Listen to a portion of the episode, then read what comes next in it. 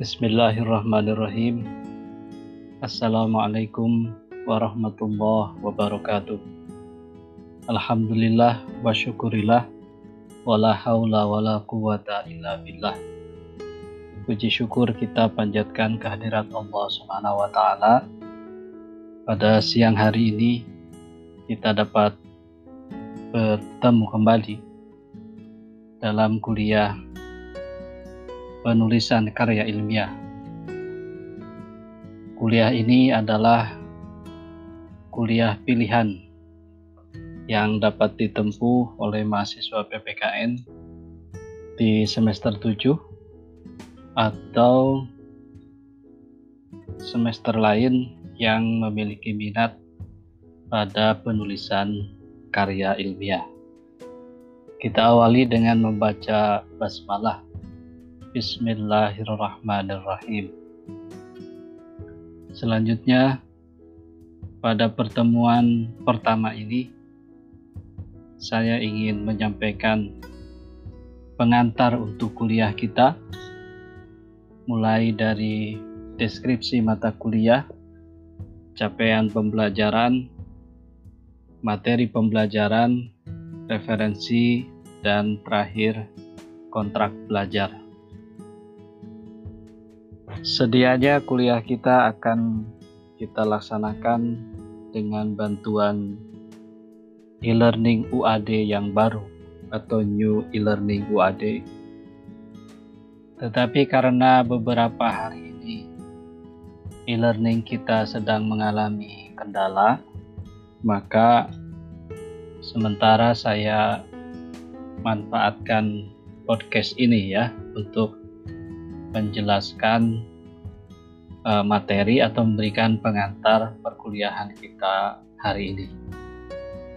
Selain podcast juga nanti saya berikan uh, bahan tayangannya dalam format PDF.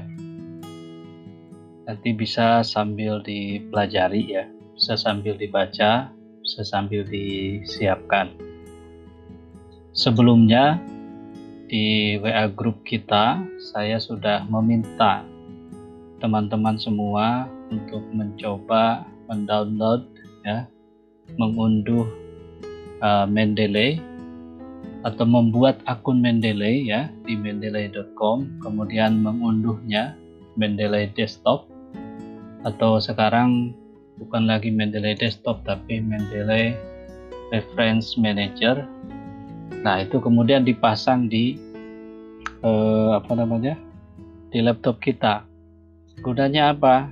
Gunanya adalah untuk kita nanti menyusun karya ilmiah terutama dalam mensitasi, mengutip dan membuat daftar pustaka yang otomatis nanti ya. Itu untuk untuk memudahkan kita semua. Mudah-mudahan semua sudah berhasil ya. Tetapi kalaupun belum, nanti mudah-mudahan kita dapat uh, satu waktu kita uh, kuliah uh, tatap muka ya, telekonferensi atau saya coba buatkan uh, video khusus penjelasan tentang uh, Mendeley itu ya, biar memudahkan kita dalam menulis menulis karya ilmiah. Baik, kita mulai dari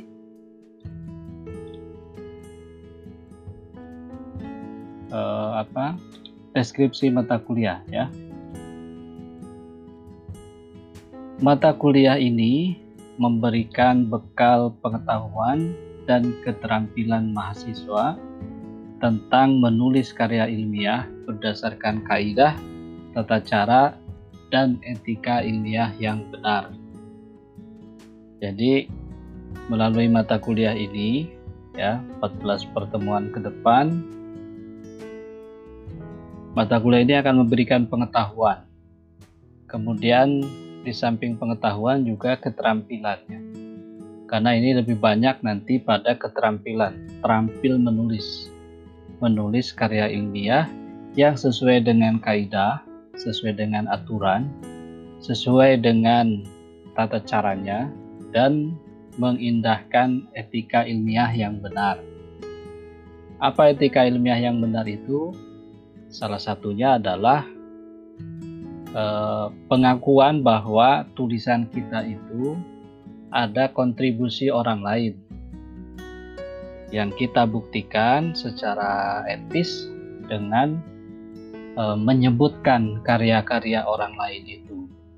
Ya, misalkan kita mengutip satu pernyataan orang lain yang terdapat di dalam buku karya orang lain itu. Nah, maka kutipan itu di awal atau di akhir kutipan kita tuliskan ini sebenarnya pernyataan siapa, tahun berapa, gitu ya, halaman berapa, dan kemudian muncul di daftar pustaka. Itu itu salah satu etika ilmiah yang benar ya. Jadi itu secara garis besar mata kuliah ini sebenarnya membekali teman-teman semua agar mengetahui ya memiliki pengetahuan dan e, memiliki keterampilan untuk menulis karya ilmiah. Nah, kemudian yang berikutnya adalah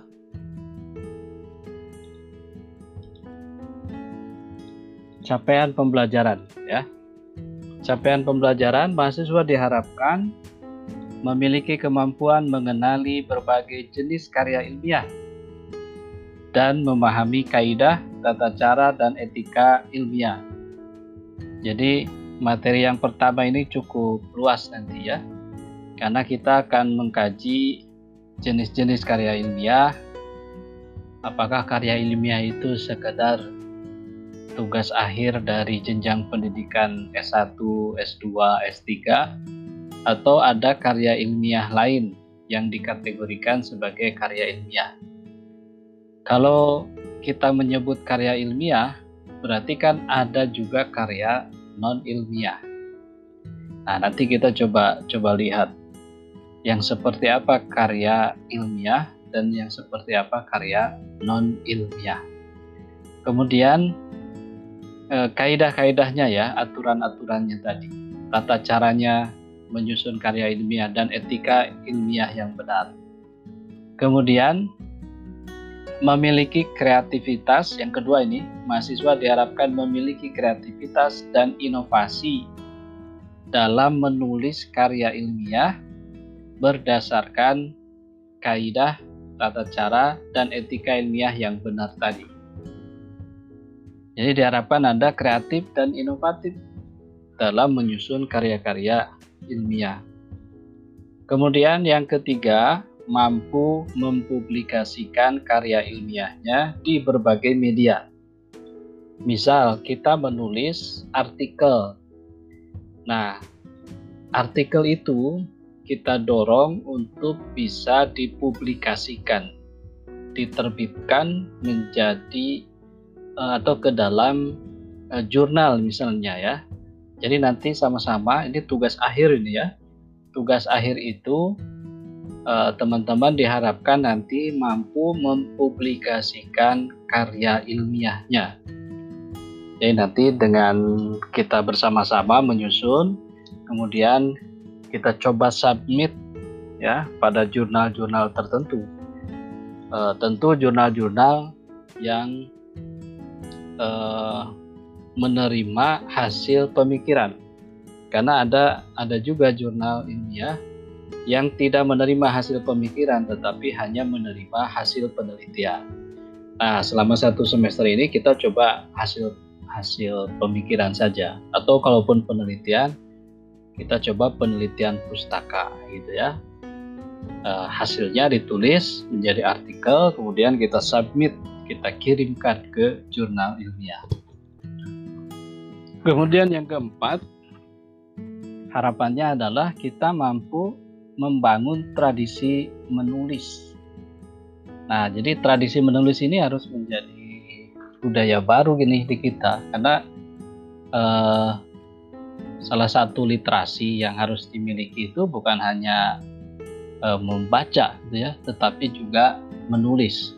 menulis bukan sekedar uh, menulis kata, menulis tulisan, tetapi menulis apa yang keresahan-keresahan kita terhadap satu fenomena, menulis sesuai dengan kaidah yang benar, sesuai dengan aturan yang benar, sesuai dengan prosedur yang benar.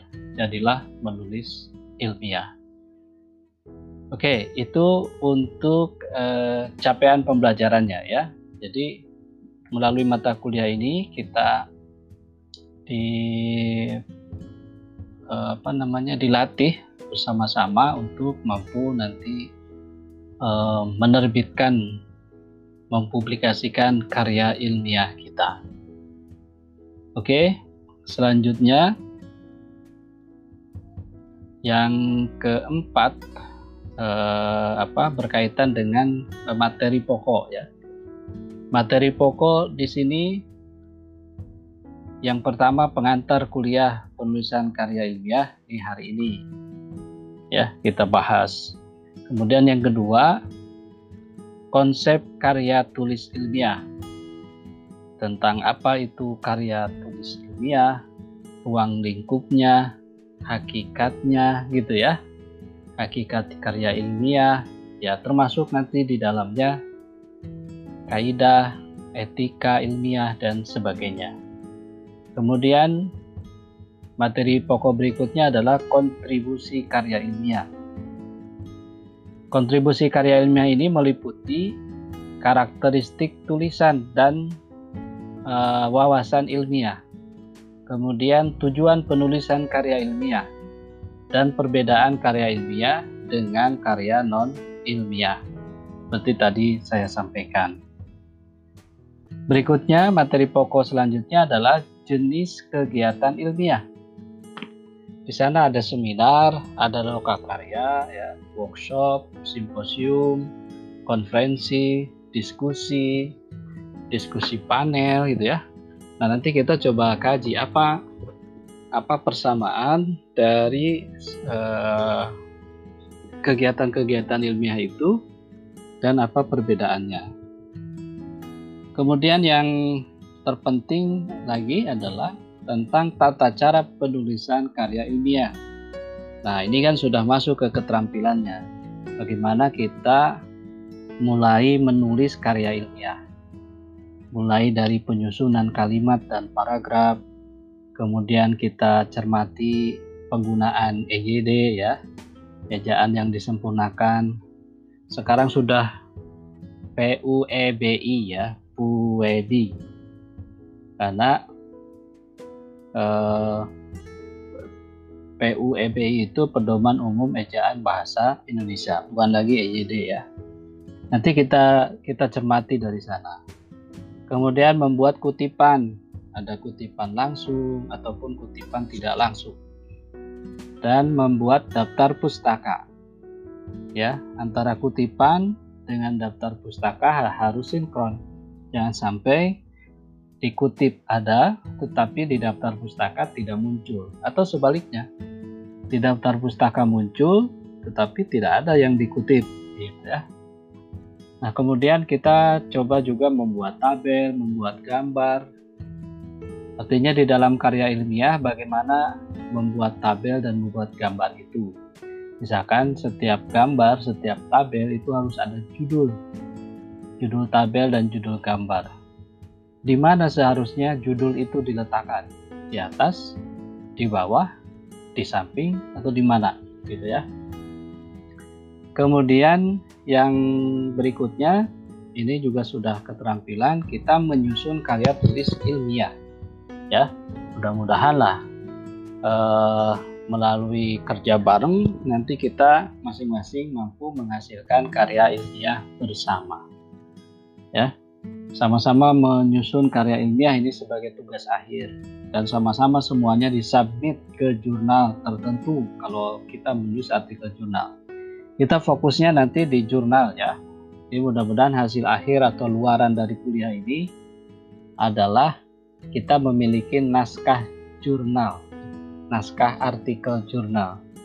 Ini kan ada beberapa orang, ya. Nanti naskahnya bisa disubmit ke beberapa jurnal yang ada. Ya, kan kemarin atau hari ini sudah latihan atau sekarang sedang latihan menulis artikel. Kemudian artikel itu di dicek plagiarisme gitu ya. Untuk tugas PLP kan seperti itu. Nah, kita akan coba menulis menyusun seperti itu ya, yang rapi, yang sesuai dengan kaidah, uh, memperhatikan etika akademik. Nah, kemudian itu materi-materi pokok kita. Kemudian berikutnya untuk referensi. Nah, untuk referensi sebenarnya banyak sekali buku yang memandu kita menulis karya ilmiah, ya. Tetapi saya di sini misalnya menuliskan ada tiga yang utama. Ditulis yang pertama ada uh, Haidar Al-Wasilah, ya, dan uh, Susi Susana Al-Wasilah. Ini satu keluarga ya. Judulnya pokoknya menulis nah, Bandung PT Kiblat buku utama. Itu sudah lama bukunya ya. Mudah-mudahan masih tersedia nih.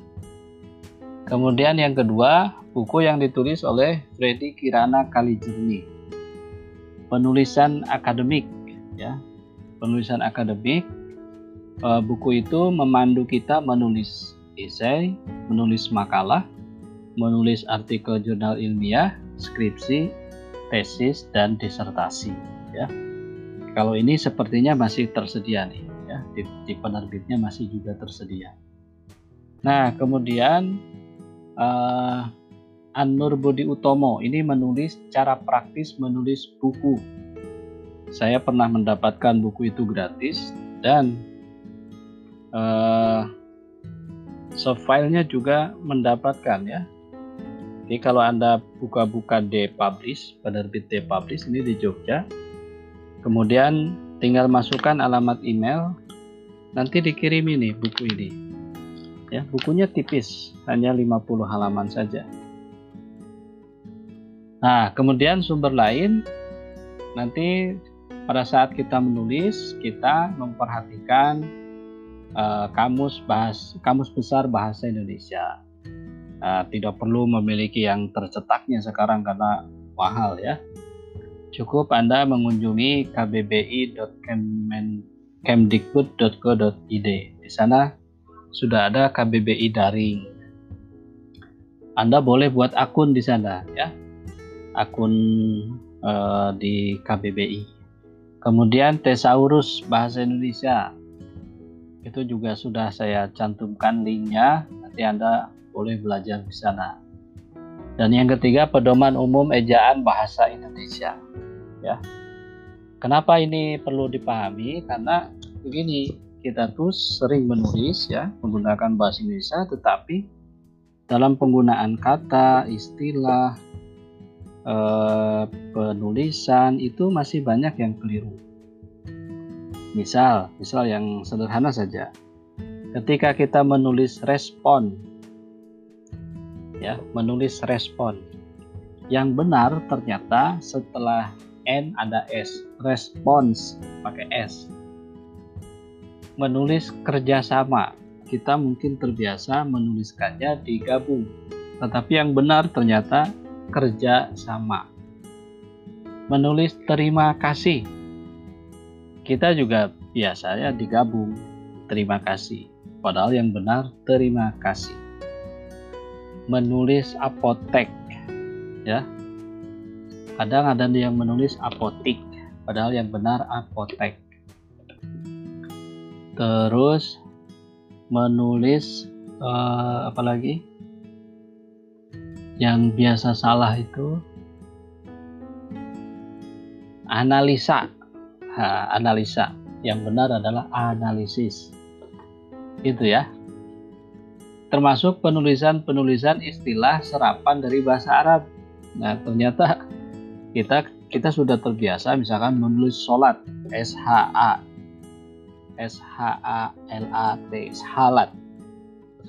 Padahal kalau lihat di kamus ternyata yang benar itu salat. Musola juga begitu. Yang benar adalah musala. Coba saja kalau Anda ke bandara, tulisannya tuh musala. Musala, salat, juhur, asar, maghrib, isya, gitu ya. Itu tulisan-tulisan bahasa Indonesia yang benar, tetapi kita sering keliru. Nah, makanya kita perlu buka KBBI, Tesaurus Bahasa, kemudian pedoman umum ejaan bahasa Indonesia.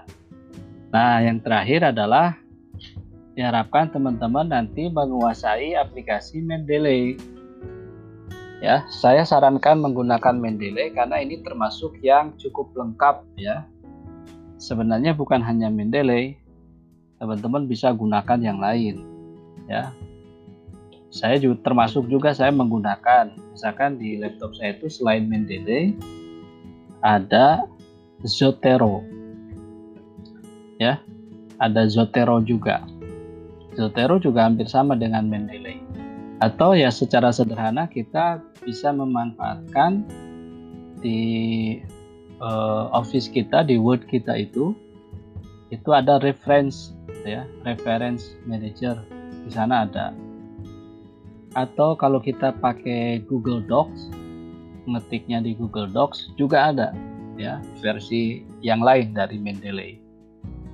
Yang terpenting adalah bahwa kita menguasai atau e, Mendeley itu sistem citasi itu memberikan kemudahan kepada kita ya. Memberi kemudahan bukan untuk mempersulit tapi memberikan kemudahan kepada kita agar penulisan ilmiah kita itu menjadi e, benar gitu ya. Pengutipannya benar citasinya benar penulisan daftar pustakanya juga benar. Gitu ya itu beberapa hal untuk referensi. Nah kemudian yang berikutnya adalah uh, kontrak belajar. Untuk kontrak belajar saya kira ini sama dengan kuliah-kuliah saya sebelumnya kegiatan perkuliahan dilaksanakan secara daring ya sambil menunggu kebijakan uh, universitas saja nih ya Sementara kita kerjakan secara daring sesuai jadwal yang disepakati. Kita bersepakat pada pukul 14.10 eh, di hari Jumat. Tapi kalau nanti ada perubahan ya nanti tinggal kita sepakati saja. Dan kita rancang perkuliahan ini asinkronus. Jadi teman-teman bisa buka dari pagi sampai malam gitu ya, sampai besoknya lagi Nah, kecuali untuk presensi. Nah, presensi tetap akan diedarkan hari H gitu ya. Hari H-nya sampai nanti pukul berapa? Pukul eh, kalau seharian ya pukul 23.59 ya. Tapi kalau di e-learning kemarin saya setting presensi di e-learning itu sampai pukul 9 malam waktu Indonesia Barat. Ya oke. Nanti kita sesuaikan. Kemudian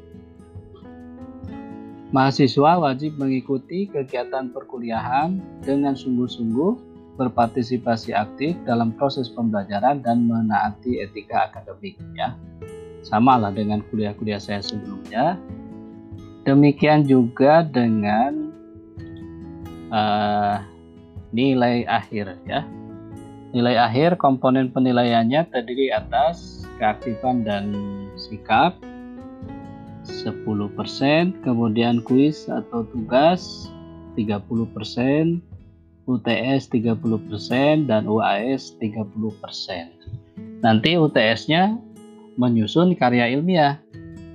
UAS-nya juga sama, menyusun karya ilmiah. Ya.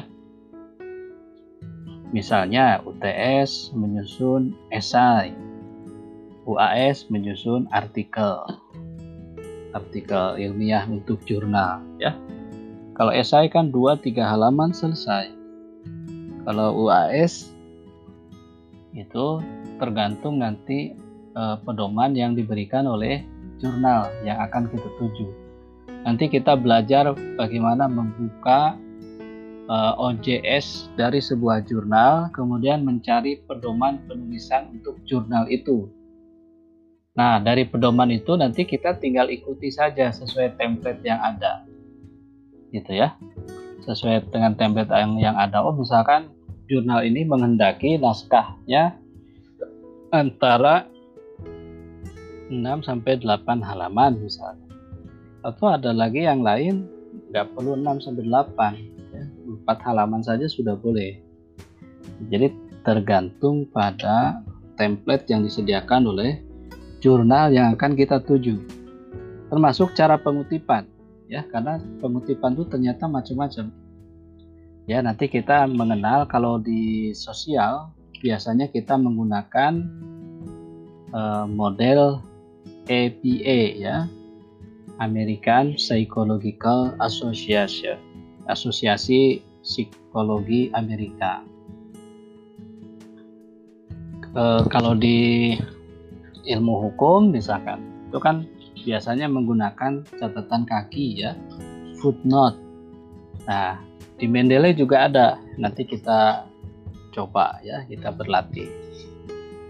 Atau ada model Harvard.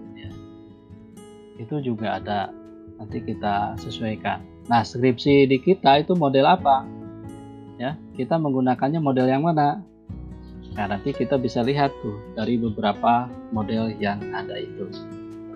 Oke ya, itu teman-teman untuk uh, orientasi kuliah penulisan karya ilmiah siang hari ini ya.